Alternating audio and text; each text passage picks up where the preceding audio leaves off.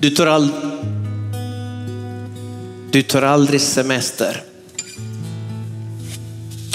Tack Jesus för att du, eh, du vill passa på under det här sommaren att komma ännu närmare oss. När det är inte så mycket jobb, när det är inte så mycket aktiviteter, när det är inte så mycket stress. Men Gud, du vill tala.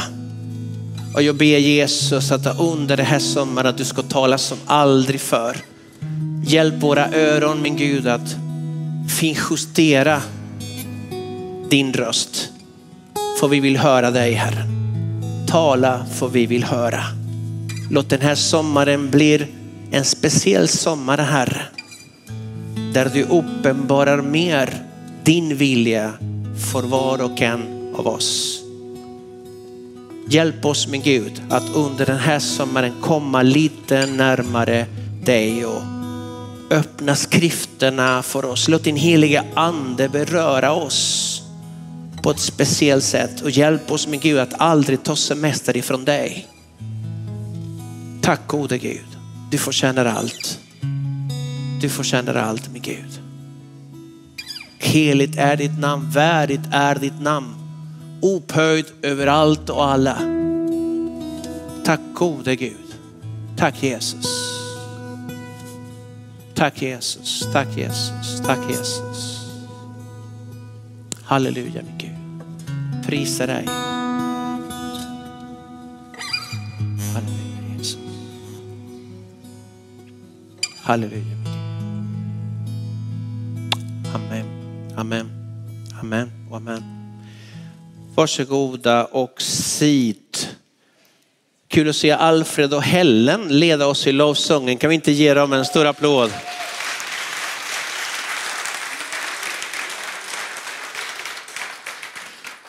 Familjen Nygren leder oss i lovsång.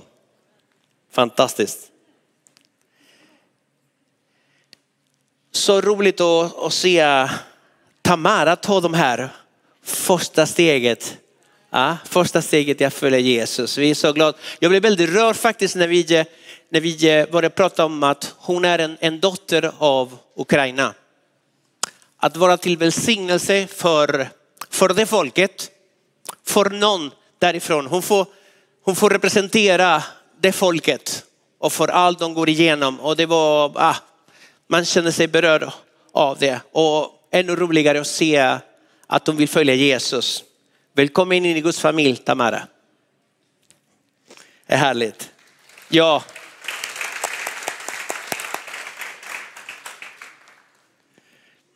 Får se, jag ska sätta på klockan så jag inte pratar för mycket här. Så. Det är eh, så att under den här sommaren vi kommer fortsätta att satsa på bön. Så klockan 11, klockan 18 på tisdagar är du varmt välkommen att be tillsammans med oss. Och på torsdagar då eh, ah, går vi igenom det här materialet och sådär och får möjlighet att ha en gemensam reflektion som det heter. Och sen och vi ber tillsammans. Det är också, du är välkommen till detta. Var det någon liten glass också som bjöds i torsdags. Vi får se vad som händer på torsdag. Eh.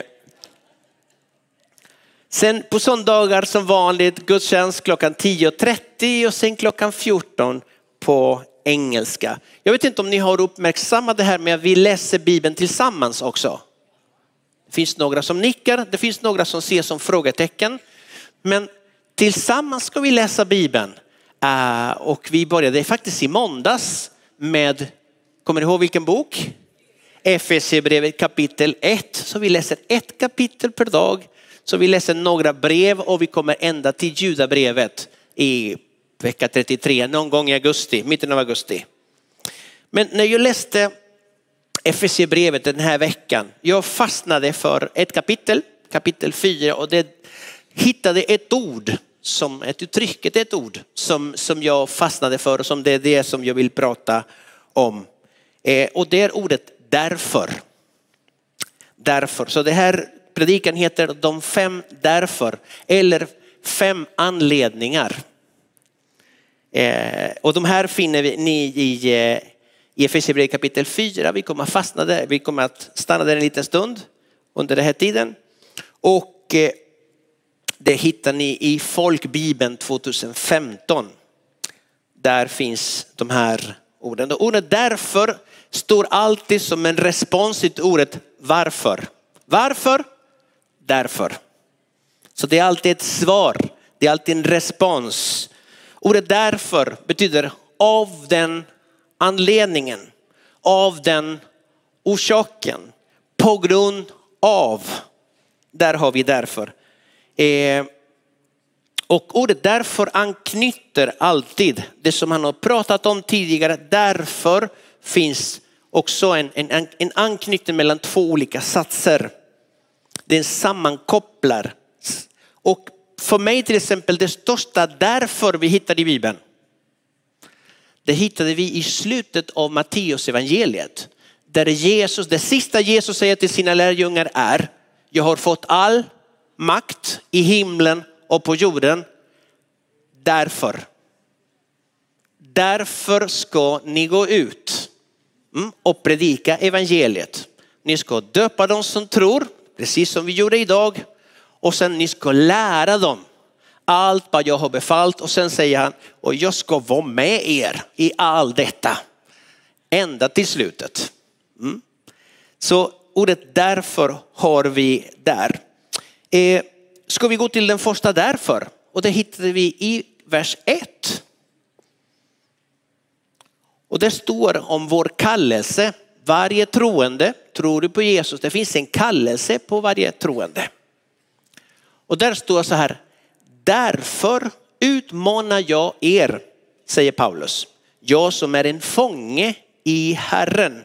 När han skriver det här brevet befinner han sig i fängelse. Eh, att leva värdigt den kallelse ni har fått. Att leva, varför ska vi leva värdigt vår kallelse? Jag kommer ihåg alltid av den anledningen hittar vi i versen innan. Där man pratar om att all ära tillhör vår Gud. Därför, därför ska vi på grund av vem Herren är, då ska vi leva på ett värdigt sätt. Av den anledningen Paulus uppmanar oss att leva på ett annorlunda sätt, att leva på ett värdigt sätt, att leva i linje med hur Jesus levde. Jesus, vilken var hans attityd? Hur, hur levde han? Ja, han, han levde inte för sig själv. Vi kan börja där. Han levde för sin fader. Han lever för att behaga sin fader. Han lever för att hans faders vilja skulle ske i hans liv. Och om han hade en sån attityd, jag tror att det vore bra om vi gjorde samma sak. Vad tror ni? Ja, det är okej okay att säga amen i kyrkan. Ja, det var för att hans vilja skulle ske i hans liv och det här är vad han lär oss i Fader vår. Vad han lär oss i Fader vår, det är hans egen bön. Hur var det? Det är så, låt din vilja ske så som i himlen, så och på jorden. Det här var hans största önskan. Det var, det var, hans, hans, det var hans därför. På grund av att all ära tillhör honom, därför lever jag på ett annorlunda sätt. Det var så han ville leva. Varför ska vi göra det? Ja, för att vi får inte glömma att vi är Guds barn. Och därför vi behöver ha samma attityd som vår Herre. Varför ska vi göra det? Därför att livet är en gåva, min vän. Ingen, ingen har några garantier alls om morgondagen. Livet är en gåva. Vad vi gör med våra liv är vår gåva, vår respons till vår Gud. När man förstår vilken gåva vi har fått från Gud, man blir ödmjukt tacksam. Och då vill man inget annat än att leva för honom. Eller att leva nära honom, vara nära honom. Vara som han. Hur ska vi leva? Om vi ska leva ett annorlunda liv, hur ska vi göra det? Paulus säger i vers 2 så här. Var alltid ödmjuka och milda. Var det någon amen på det? Uh. Var alltid ödmjuka och milda. Var tålmodiga och överseende, ha överseende med varandra i kärlek. Det är precis så vi lever. Men vi skulle kanske vilja leva så. Visst är det så? Det här går inte om inte Herren hjälper oss. Alltså vi behöver Herrens hjälp för att leva det liv han har kallat oss till. Därför. Det andra därför. Det andra därför det handlar om att Herren ger oss det vi behöver. Och i vers 9, Efesierbrevet kapitel 4 och vers 9, det står så här. Därför heter det, han steg upp i höjden, han tog, upp, han tog fångar och gav människorna gåvor. Alltså Herren har gett oss gåvor. gåvor.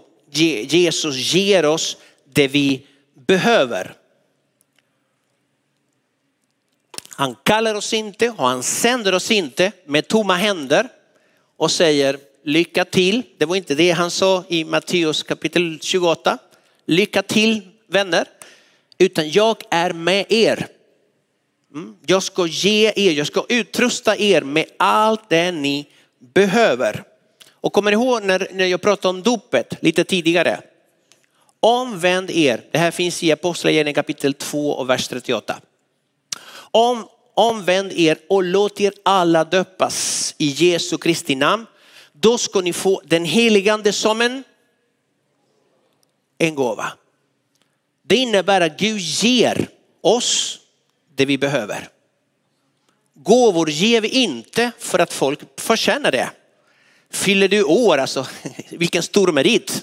Du föddes för 30 år sedan eller 40 år sedan eller vad det var.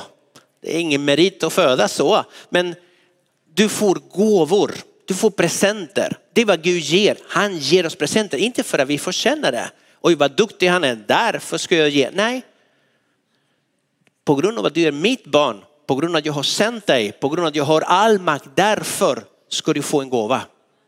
Omvänd er, du ska få den här gåvan.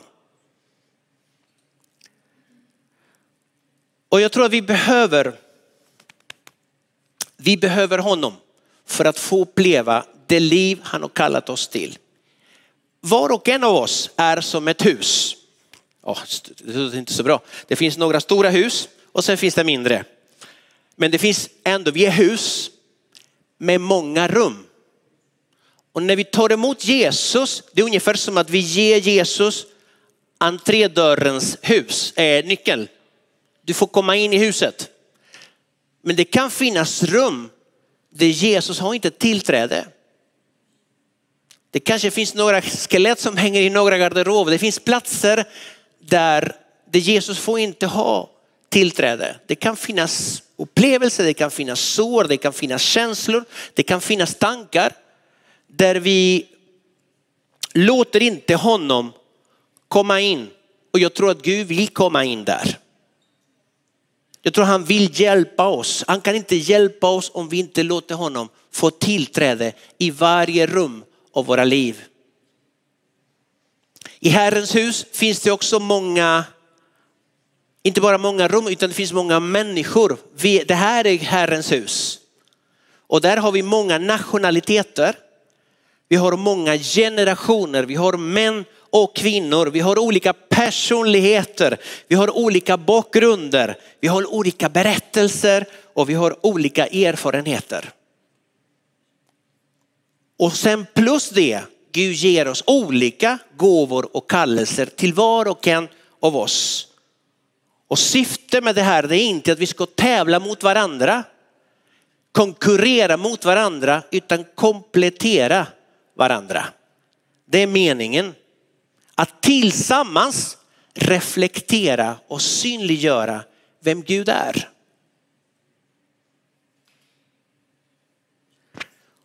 Och tittar vi lite grann i texten i Efesierbrevet kapitel 4 vers 4 till 6, det, det finns någonting där. Och det vi ser den enheten som Gud kallar oss till. Varför ska Gud hjälpa oss till det här? För att vi ska vara eniga och tillsammans ska vi göra någonting. Reflektera vem Gud är här på jorden. Och den här enheten finns i Gud. Det finns en enhet och då går mina tankar till treenigheten. Där Fadern, Sonen och den helige Ande bråkar inte om vem ska säga vad, vad, utan det finns en samstämmighet där. Och kolla vad som står där i kapitel 4, vers 4 till 6.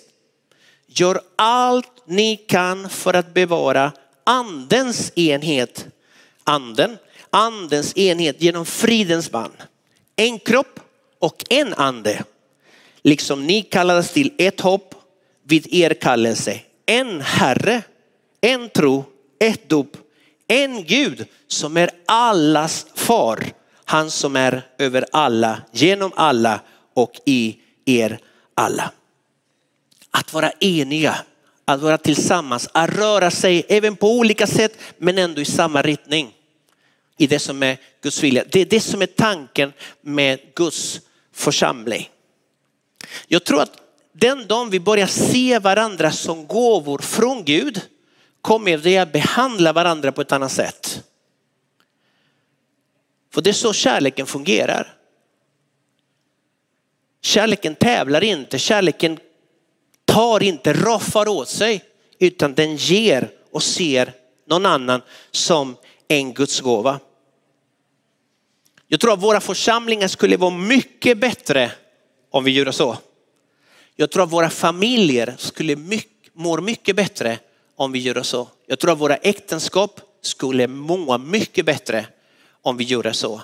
Att se varandra som Guds gåvor, som en gåva från Gud. Det tredje därför, det hittar vi i vers 17. Efesierbrevet kapitel 4 och vers 17. Och Paulus skriver det så här. Därför säger jag detta och varnar er i Herren. Lev inte längre som hedningarna lever. Det finns en, en, eh, någonting som, som Jesus försöker påminna oss gång på gång att det gamla är förbi, något nytt har kommit och det här nya som har kommit måste på något sätt bli synlig och hörbar. Det är det som Jesus har kallat oss till. Att det nya livet har med sig ett nytt sätt att tänka. Mm, jag, när jag pratar med nya i tron, de som börjar ta sina första steg i tron, de säger alltid så här, jag tänker inte som förr. Före var jag bara en, en som roffade åt mig så fort jag, men nu tänker jag på andra. Så från att bli en tagare eller en roffare, det här är inte ens ord, men för att bli en sån har jag blivit en givare, någon som ger istället. Någonting händer med våra tankar. Våra ord förändras. Det finns ett nytt sätt att tala och det handlar inte om att lära sig nya bibliska ord utan det handlar om att det finns någonting och jag tror att det är på grund av att det finns någonting nytt i våra hjärtan. Därför våra ord blir annorlunda. Vi talar på ett annat sätt. Det finns ett, ett nytt sätt att bete sig. Det finns ett nytt sätt att se på livet. Det här är det nya som har kommit in i våra liv.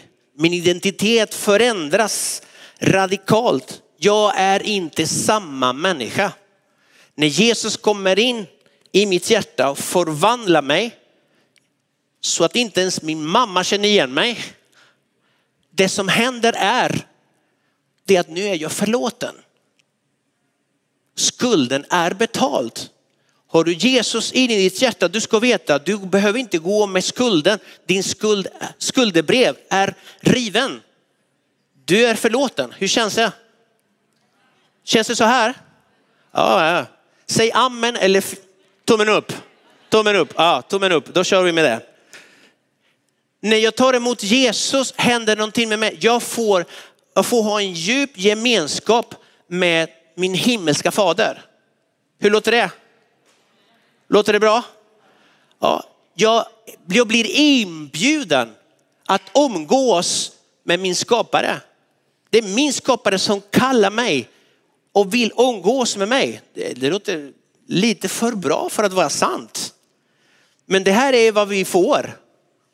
Och sen, himlen är inte för de bästa. Himlen är inte för de fromma. Himlen är inte för de som kan hela sin bibel, utan himlen är det för de som umgås med honom, med Jesus.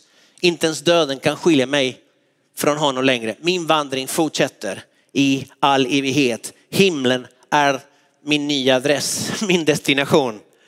Himlen väntar på dig och mig. Hur låter det? Amen. Ja, det är bra. Det här är vad Gud vill. Gud kom inte till världen för att skapa en ny religion. Jesus kom inte för att skapa en ny religion. Kristendomen är inte en religion som Jesus kom och sa, jag har en idé. En ny religion vore fint. Utan han kom för att skapa möjligheter till en ny relation. Men religion, religion, vad försöker religion göra? Religion försöker förändra människans yttre. Människans beteende. Gör si, gör så eller gör inte si, gör inte så. Religion jagar perfektion. Religion fokuserar på vår förmåga att förändras. Medan Gud strävar efter en relation och inte religion. Och denna relation fokuserar på Guds förmåga att förändra. Jag kan inte förändras om han inte hjälper mig. Jag ska försöka älska min granne, jag ska försöka älska min granne. Gud hjälp mig att älska min granne. Så heter det.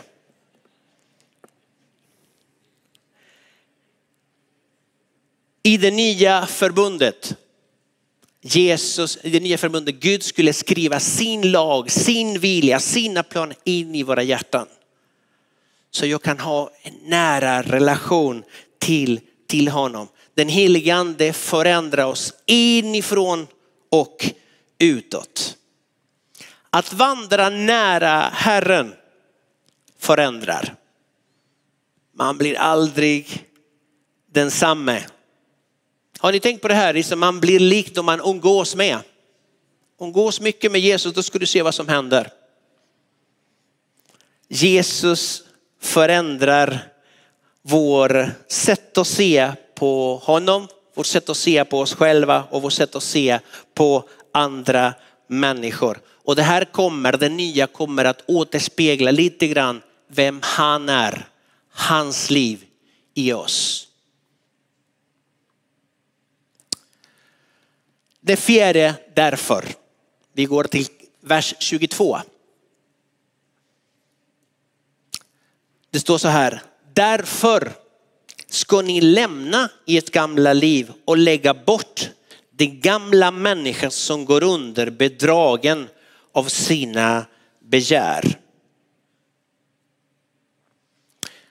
Och här funderade jag på en, en sak.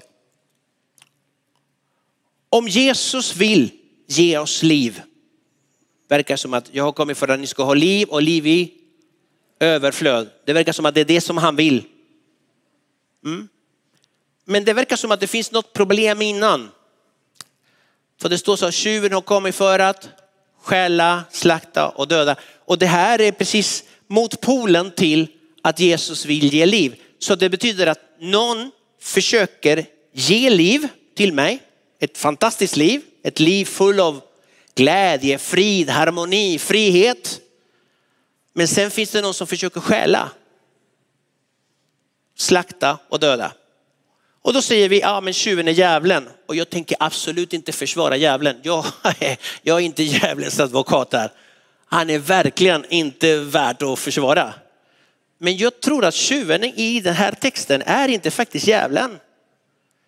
Utan jag tror att det där är religion. För att det liv som Gud vill ge mig betyder att det livet kan jag bara leva med Jesus. Religion är att leva utan Jesus. Det är när jag försöker själv. När jag med mina ansträngningar, jag anstränger mig. Jag kan bli hur bra som helst så Gud kan ta emot mig. Så Gud kan belöna mig. Det är vad religionen säljer. Religionen har kommit för att stjäla, slakta och döda det liv som han vill ge mig. Vad tycker ni om det? Och det här ser jag gång på gång på gång på gång. Det finns en kille som gick bibelskolan, Jonas, Jonas Hallberg heter det. Jag har inte frågat honom om jag kan säga det här men, men jag tror att han, han har sagt det själv så det, det måste väl gå. Men det är en kille som, som levde i, i droger och kriminalitet och allt möjligt. Tills han tog emot Jesus. När ljuset kommer in i hans liv förändras någonting. Och jag kommer ihåg honom. Jag kommer ihåg, han satt där någonstans första gången jag träffade honom och, och blicken var mörk. Men när Jesus klev in i hans liv, någonting hände och hoppet, någonting hände liksom. En gnista tändes i hans liv. Sen gick han bibelskolan och att se honom, upptäcka och liksom, att, att höra från honom de här grejerna. Kan det stämma? Och det är som att Jesus öppnade skrifterna för honom. Varje gång då ser man blicken, då ser man någonting. Bibelskolan slutar, nu har han fått ett jobb, han gifte sig igår, i förrgår, tack. Man ska inte ljuga i kyrkan. Men i förrgår gifte han sig. Det var fantastiskt vad Gud gör med honom på så kort tid. Det där är det överflödande liv som bara Jesus kan ge. När vi ger honom våra hjärtan och säger Gud, dig vill jag följa. Jag har beslutat, Lars, det här är för dig. Jag har beslutat att följa Jesus och aldrig mer tillbaka gå. Det här är budskapet som vi proklamerar genom dopet.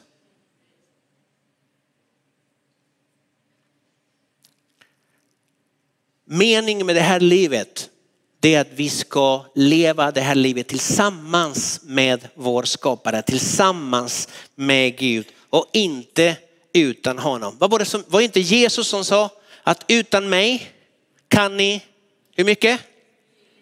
Ingenting. Ni kan ingenting göra. Det här livet är, är menat att levas tillsammans med honom. För livet finns i honom. Hans ord är ande och liv. Glädjen finns i honom, friden finns i honom, friheten finns i honom, kraften finns i honom.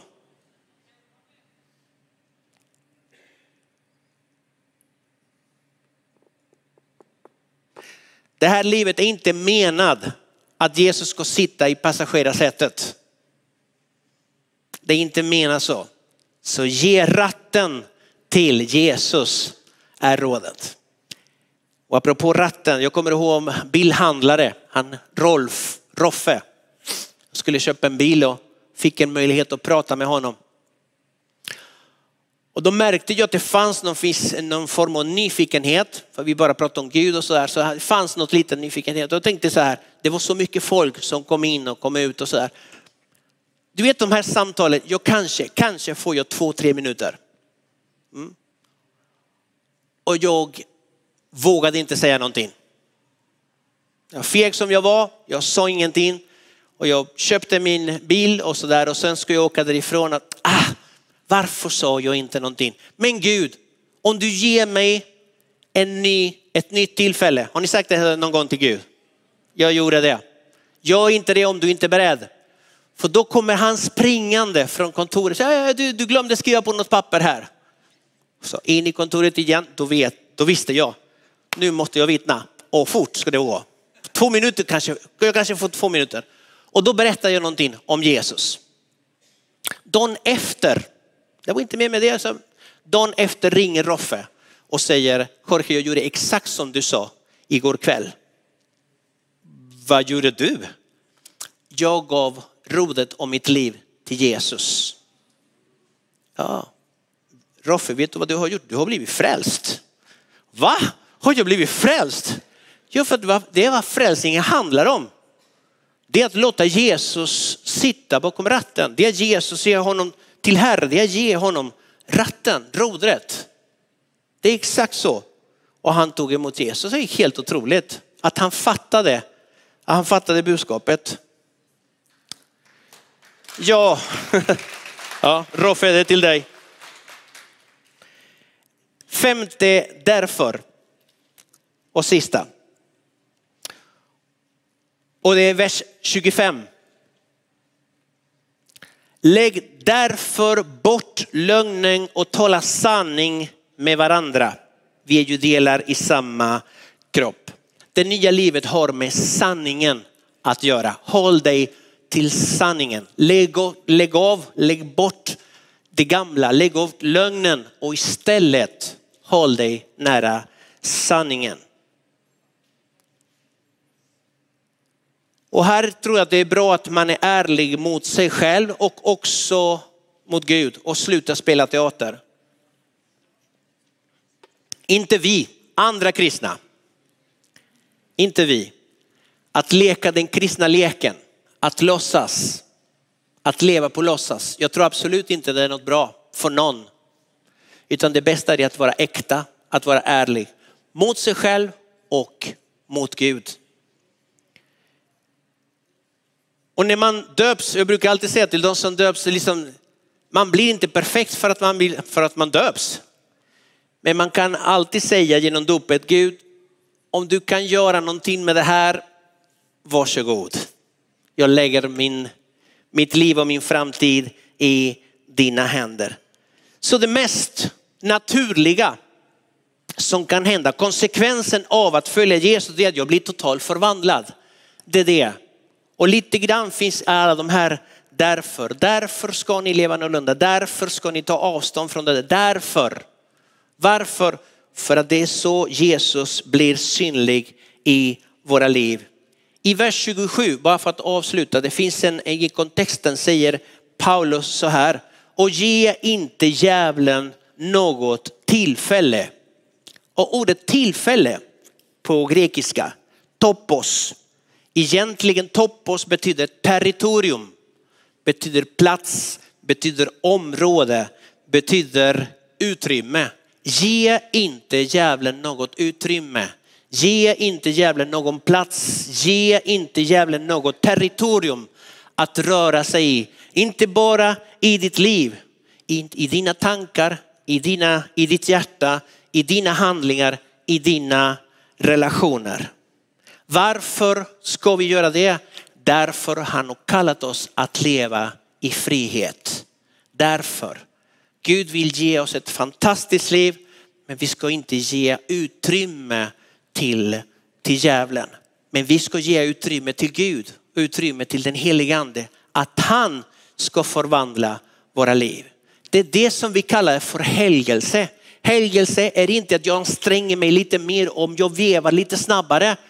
Utan hängelse handlar om att ge mer utrymme till Gud. Att han ska göra sitt verk i oss och förändra oss till den, till, till den grad att hans vilja får ske i var och en av oss.